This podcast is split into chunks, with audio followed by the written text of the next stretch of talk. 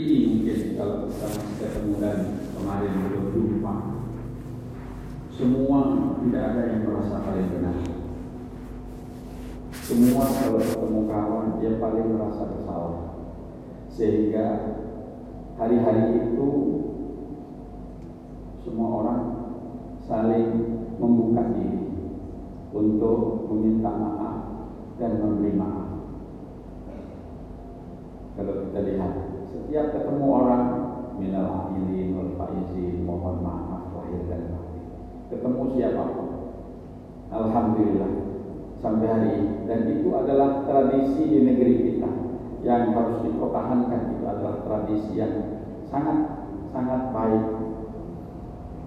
Saling memberi dan saling meminta maaf. Tidak ada orang yang merasa paling benar saat itu.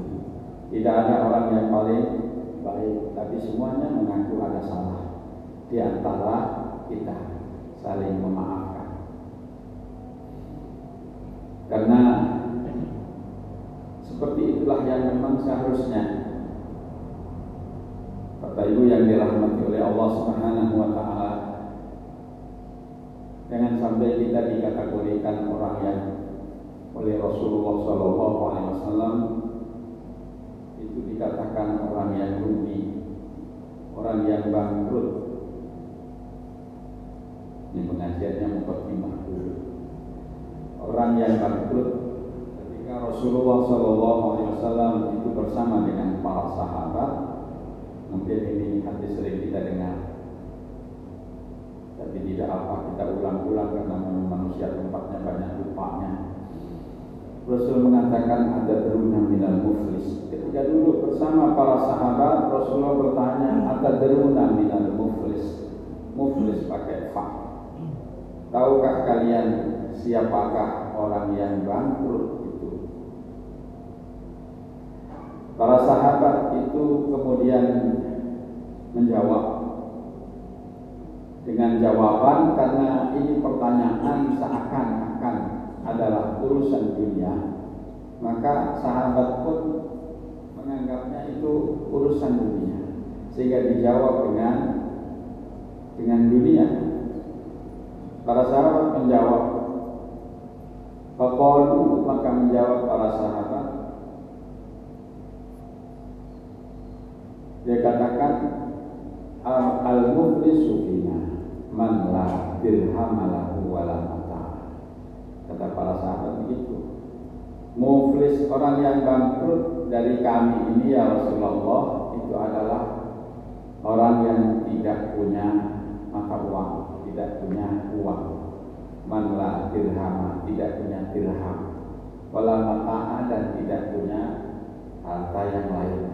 Artinya bisa jadi awalnya ada tapi kemudian makin habis, makin habis, makin habis. Itulah orang yang bangkrut dari kami ya Rasulullah. Tapi kemudian jawaban sahabat ini dibetulkan oleh Rasulullah Sallallahu Alaihi Wasallam, Innal muflisa min ummati. Nabi sesungguhnya orang yang muflis, orang yang bangkrut dari umatku itu adalah man yakti yaumal qiyamah. Orang yang nanti datang pada hari kiamat disolatin dengan membawa pahala sholat banyak sekali. Wasyamin dan pahala puasa, wazakatin dan pahala zakat dan pahala-pahala kebaikan yang lain. Itu orang bawa kan seakan-akan dia orang yang paling beruntung karena mendapatkan banyak nilai kebaikan Tapi dia juga saat itu dia wayati qad syatamahala wa qadhafahala. Tapi dia juga datang dengan membawa dosa. Dia pernah mencaci orang ini memaki orang ini wa qadha fa'ala menuduh orang ini wa akala malahada memakan hartanya orang ini wa daraba dan memukul serta wasafaka damahada dan membunuh dan seterusnya. Artinya itu kalau di terjemah bebasnya itu bahwa nanti itu ada juga masih tuntut menuntut di hadapan Allah Subhanahu wa taala.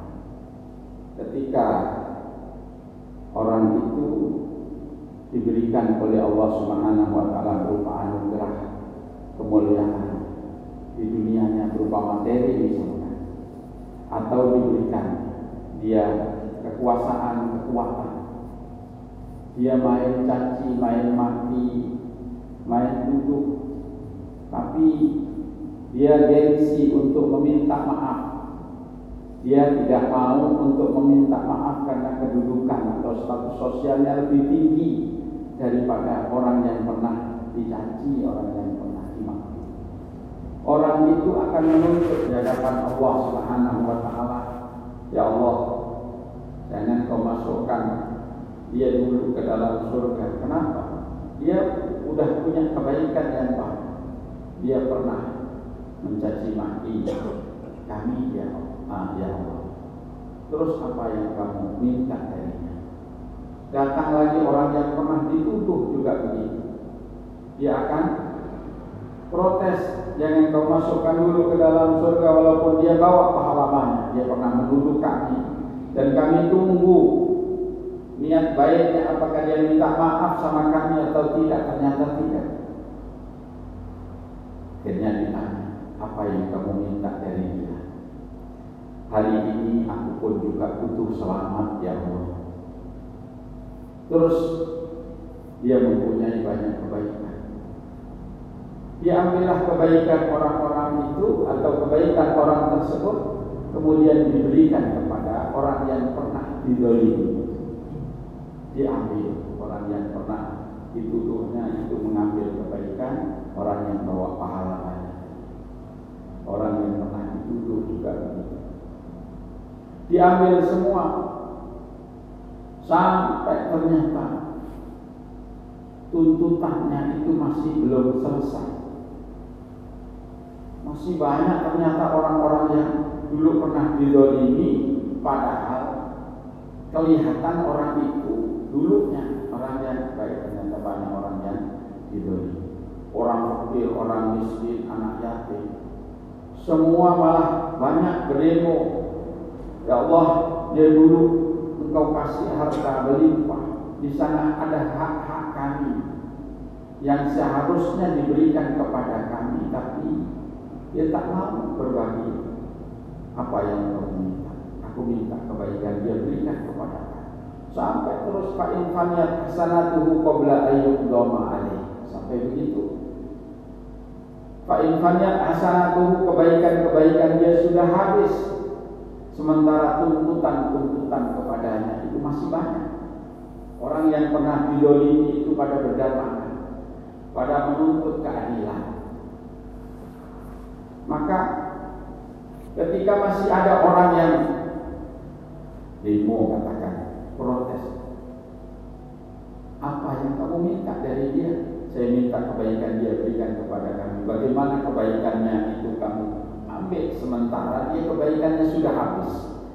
Sudah habis dihabiskan orang-orang yang menuntut sebelum kamu. Fa in fadiyat hasanatuhu qabla ayyudama alaih.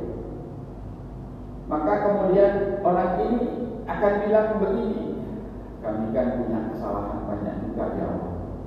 Kami punya keburukan.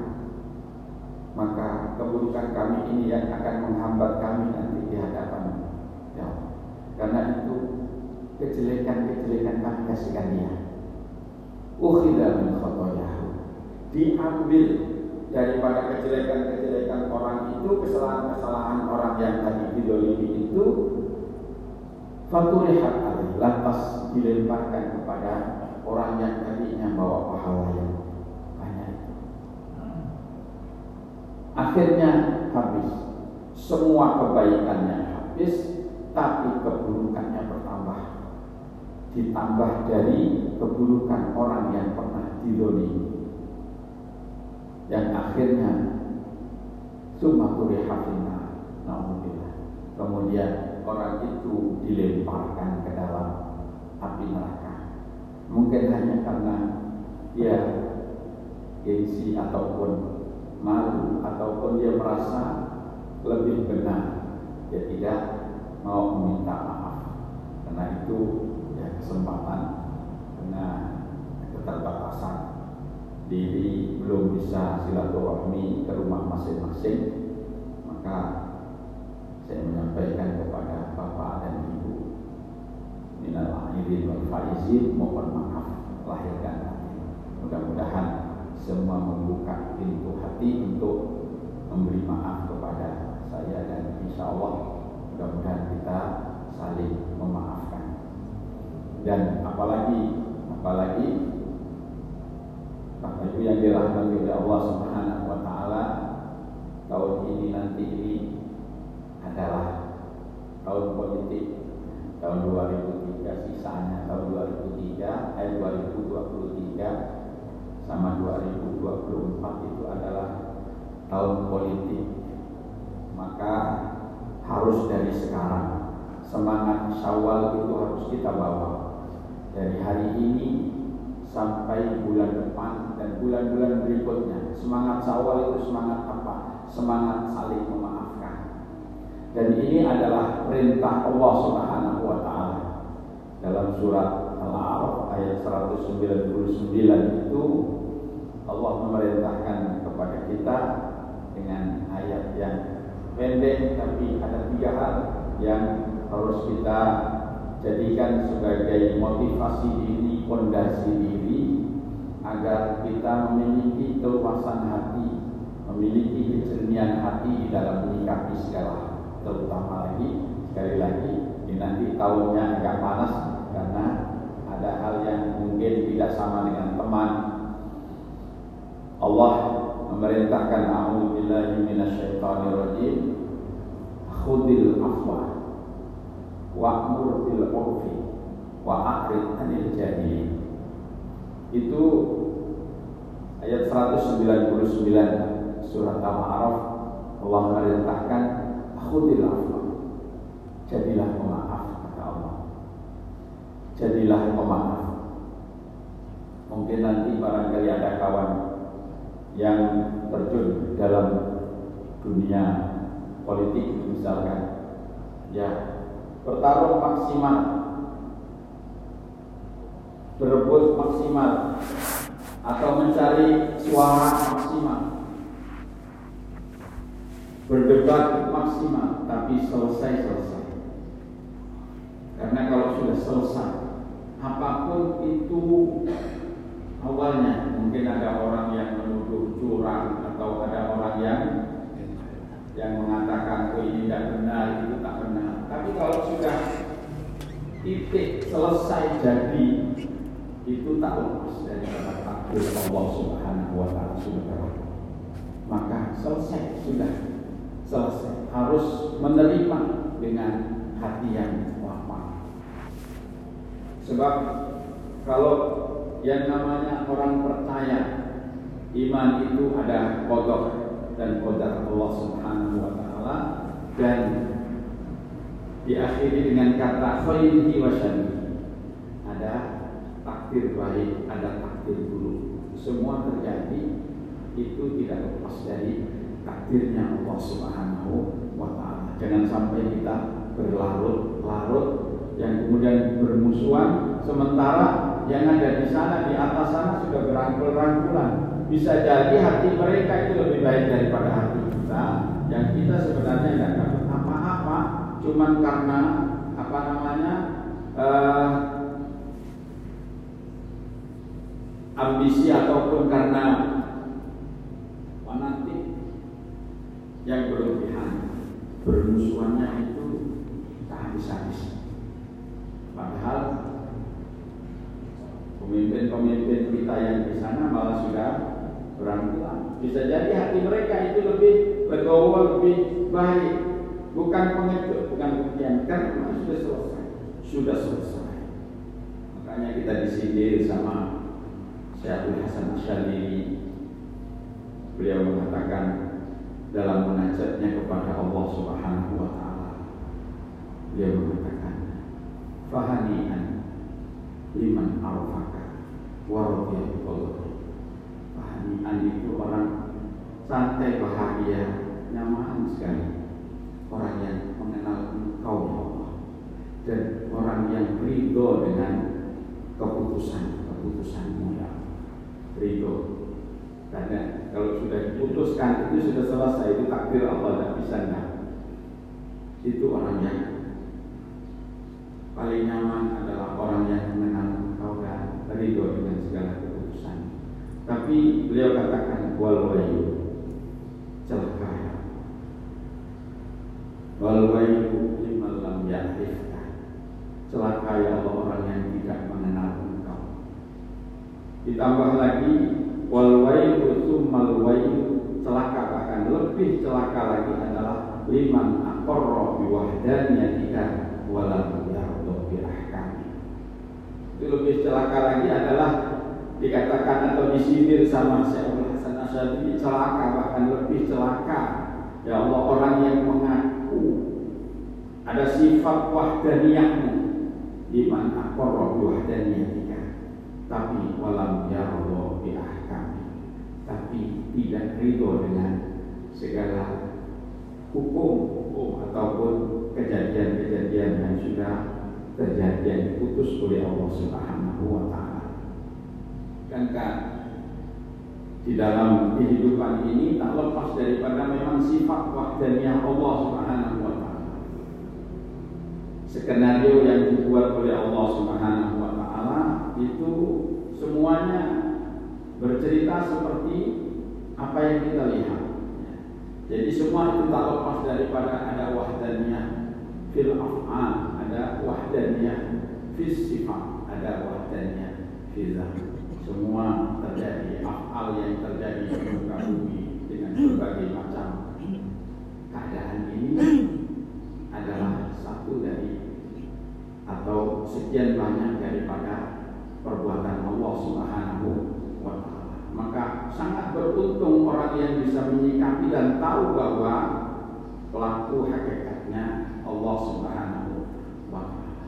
Maka itulah kemudian Syekh Abdul Hasan Asyadi itu minta kepada Allah Subhanahu wa taala, Allahumma rabbina bi Ya Allah, berikanlah kami ini rasa ridho, ikhlas, senang dengan segala apa yang telah kau putuskan. Rabbina bi qada'i wasabbirna ala ta'atika wa ma'asiyatik dan berikanlah kami kesabaran untuk menjalankan kepatuhan menjalankan ketaatan kepada wasofirna ala ta'atika wa ammaksiatik dan sabar untuk menjauhi daripada kemaksiatan-kemaksiatan kepada.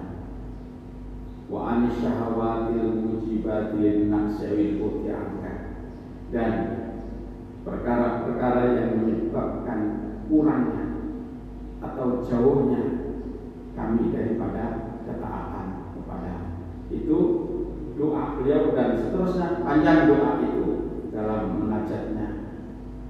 Beliau Rotina bi qadari wa sabbirna ala ta'atika wa amasiatik wa an syafawatil mujibatil nasir maka kemudian beliau minta wahab lana ya Allah hakikatal iman berikan kami ya Allah hakikat iman sehingga hatta lana khawfa sehingga tidak ada yang aku takutkan kecuali hanya wala nuhibba Tidak ada yang aku cintai kecuali engkau. Wala najwa dan tidak ada yang aku harap kecuali engkau. Begitu seterusnya itu doanya beliau dalam munajat kepada Allah Subhanahu wa taala. Itu doanya orang-orang yang penuh adab pada Allah. Kembali lagi khudil afwa kata Allah. Jadilah Jadi kalau seandainya itu belum terjadi, boleh kita maksimal di dalam berbuat. Belum terjadi, belum ditakdirkan. Artinya kita masih berusaha berikhtiar, berjuang. Ada yang kita bela ini, ada yang kita ikut itu. Tapi setelah selesai, apa pun kemarin yang kita dengar ceritanya yang kita tahu selesai. Betul jadi pemaaf. Ini tidak mudah. Mudah-mudahan kita diberi hati oleh Allah Subhanahu wa taala. Hati yang diperintah seperti Allah memerintahkan jadi pemaaf. Kemudian yang kedua adalah wa'mur bil urfi. Wa'mur bil urfi perintahkan yang ma'ruf. Tentu perintah yang ma'ruf itu perintah hal-hal yang positif, hal-hal yang baik. Itu yang paling mengenang adalah bilham yang paling mengenang adalah dengan sikap, dengan perilaku, dengan perbuatan. Sebab lisanul hal afsahu min lisanil maqal.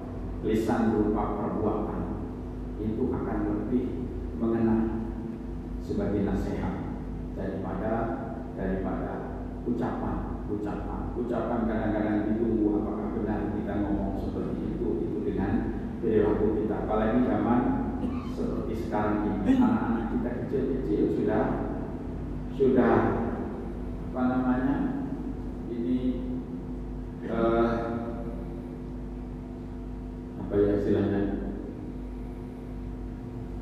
Peka dan gampang untuk diberi nasihat. Nasihat kalau kemudian nyatanya itu kita melanggarnya kita akan diprotes oleh mereka maka tauladan contoh yang paling baik wa'mur bil urfi itu adalah dengan amal perbuatan amal perbuatan. Wa'mur bil kalau memang perlu harus nasihat ya kita sampaikan nasihat kita ajak orang-orang untuk berbuat baik. Dan yang terakhir kata Allah wa'arid anil jahil berpalinglah dari orang-orang Artinya orang-orang bodoh di sini bisa jadi orang itu memiliki kecerdasan, tetapi di dalam menghadapi masalah, menemui masalah itu selalu dengan kekuasaan cara penyelesaiannya, dengan kekuatan, dengan ototnya. Itu menyelesaikan masalah kita punya masalah dengan orang lain, tapi orang itu selalu menyelesaikannya dengan dengan cacian, dengan makian atau naudzubillah dengan perkelahian misalkan atau dengan kekuatan, kekuasaan hindari Allah perintahkan wa'arif anil jahil. Hindari orang-orang yang bodoh. Orang-orang yang di dalam menyelesaikan masalah tidak dengan pikiran yang jernih tidak dengan hati yang lapang tidak dengan hati yang pemaaf tidak mencari solusi yang baik tetapi dengan kekuasaan, dengan ambisi, tidak peduli itu hal ataupun haram, haram yang penting dia mendapatkan kemenangan. Kalau ada orang yang seperti ini lebih baik kita hindari, kita hindari. Fa'arif anil jahil, hindari orang-orang yang yang bodoh. Itu perintah Allah Subhanahu wa taala. Jadilah pemaaf, sebarkan yang ma'ruf sampaikan yang ma'ruf, sampaikan hal-hal yang baik, yang positif. Tidak bisa dengan ucapan, dengan perbuatan, dengan apa yang bisa kita buat. Dan kalau menemui hal-hal yang kira-kira orang yang tidak pakai akal sehat itu jauhi akan bisa lebih selamat kita. Mudah-mudahan Ibu yang dirahmati oleh Allah taala kita dituntun oleh Allah Subhanahu wa taala di dalam bulan ini dan bulan-bulan berikutnya menjadi bulan-bulan yang jauh lebih baik daripada bulan-bulan yang kemarin. Semakin bertambah umur kita, semakin bertambah jernih hati kita, semakin bertambah bersih hati kita, semakin bertambah pengabdian kita kepada Allah Subhanahu wa taala dan mudah-mudahan Allah senantiasa. Tuntun kita. Allah senantiasa bimbing kita dengan seperti yang Allah berikan kepada orang-orang yang Allah beri nikmat. Yakni para nabi para ambia wal mursalin dan juga para guru-guru kita. Kasih kekasih Allah Subhanahu wa taala. Maka inilah Bapak Ibu yang sering saya sampaikan bahwa kita ini memang harus punya pegangan, harus dan wajib punya pegangan. Pegangan kita adalah kalau kita melihat sejarah tidak ada para nabi itu yang tidak diberikan pegangan oleh Allah Subhanahu wa taala. Semua diberi pegangan supaya apa? Itu adalah isyarat agar kita bisa mengambil itibar manusia perlu untuk berpegang. Manusia perlu untuk memohon kepada Allah Subhanahu wa taala petunjuk agar tidak sesat. Kita dikasih oleh Allah pegangan kita sebagaimana yang diberikan oleh Allah Subhanahu wa taala kepada Rasulullah namanya mukjizat berupa Al-Qur'an. Dan Al-Qur'an itu setelah itu tiga juz kemudian dirangkum yang disebut dengan Umul Quran itu surat Al-Fatihah. Nah, di dalam surat Al-Fatihah itu sering kita minimal ihdinas siratal mustaqim itu 17 kali dalam sehari semalam. Itulah pegangan kita. Ya Allah berikanlah kami petunjuk sebagaimana petunjuk yang Engkau berikan kepada orang yang Engkau kasih nikmat. Itulah pegangan kita. Siapa itu? Rasulullah SAW itu namanya. Itu yang harus kita pegang. Dan itu kalau kita baca terus menerus, apalagi menjadi amalan kita, Orang-orang besar seperti Imam Ghazali itu tak lepas 100 kali dalam sehari semalam dia baca Fatihah itu karena ini karena ini. Pegangan itu penting dan itu akan menjadi kekuatan rohani sangat besar bagi orang yang masih hidup secara jasmani hidup ya, itu kemudian rohaninya disambungkan rohaninya ditempelkan. Rohaninya ini dikuatkan dengan rohani-rohani orang-orang yang diberi oleh Allah nikmat itu.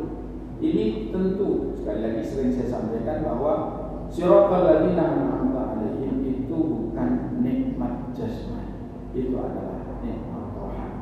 Orang yang diberikan kekuatan luar biasa, diberi kenikmatan yang sangat besar.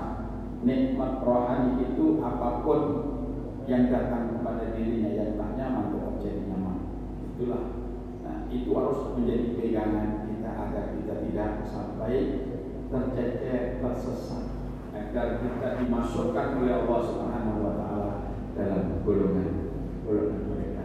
Mudah-mudahan kita diberi oleh Allah Subhanahu wa taala rasa itu cinta kepada orang-orang yang cinta kepada Allah Subhanahu wa taala. Mungkin Bapak Ibu pagi ini kita mukadimah sampai situ dahulu sekali lagi dalam pergaulan saya mohon maaf yang sebesar-besarnya kepada Bapak dan Ibu. Tentu yang banyak salah